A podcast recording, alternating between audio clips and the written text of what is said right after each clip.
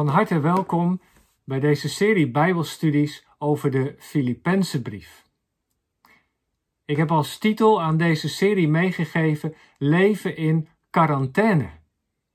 Een woord dat voor ons natuurlijk in deze dagen bijzondere betekenis heeft. Door het coronavirus zitten we veelal thuis. Veel dingen zijn anders geworden. En dat in korte tijd door zo'n virus. Het werk, de ontmoetingen, het naar de kerk gaan, het bezoeken van ouders, kinderen die naar school kunnen. Er is veel onzekerheid gekomen. We weten niet hoe lang het gaat duren. Paulus schrijft deze Filippense brief terwijl hij in de gevangenis zit. Lucas vertelt bijvoorbeeld dat hij in de havenplaats Caesarea maar liefst twee jaar gevangen zat. Stel je voor, twee jaar lang in quarantaine. Twee jaar lang in een situatie van lockdown opgesloten in je cel. Zonder dat je eruit kunt, zonder dat je bij mensen op bezoek kunt gaan, terwijl je door God een roeping had hebt gekregen om kerken te planten, om het evangelie te verkondigen, lijkt het einde oefening. Maar ondanks dat Paulus gevangen zit, ondanks dat zijn leven zich afspeelt in quarantaine, is hij uiterst productief. Hij heeft vanuit de gevangenis verschillende brieven geschreven. Brieven om de gemeentes en de gelovigen elders te bemoedigen. En een van deze brieven is de Filippense brief.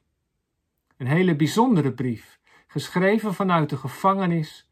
Maar als je de brief op je laat inwerken, spat de vreugde ervan af.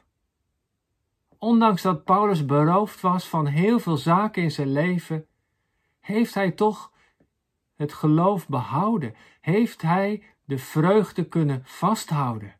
En dat roept natuurlijk best een hoop vragen op. Hoe heeft Paulus dat gedaan? Hoe heeft hij zich staande kunnen blijven? Welke zijn de vragen die hem bezighoudt? En hoe kan het?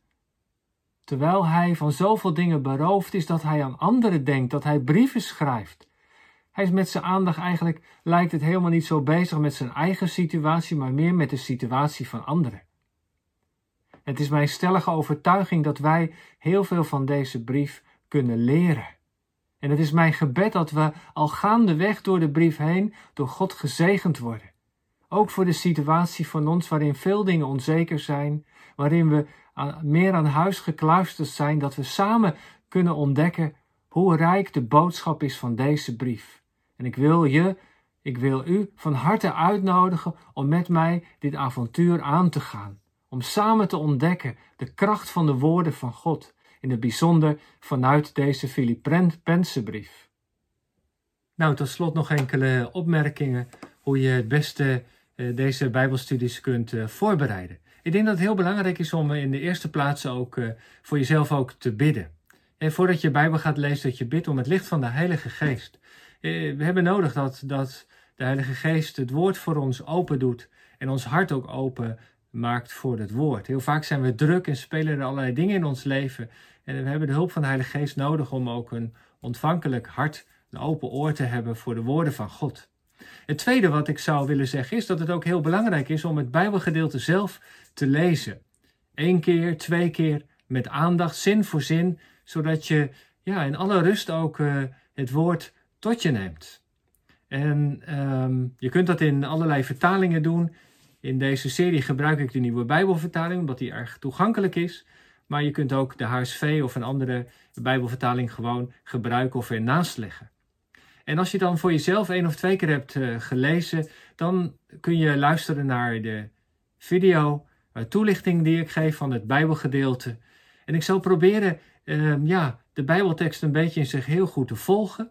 En ook aan het einde daarvan een soort ja, wat punten aan te reiken voor de toepassing. Wat de, onszelf de vraag te stellen: wat kunnen wij nu met dit Bijbelgedeelte? En wat zegt dat ons voor ons dagelijks leven? En vaak lees je de Bijbel en is het soms ook lastig om die vertaalslag te maken. Ik wil daar handreikingen voor doen, zodat je daar verder ook over, over na kunt denken.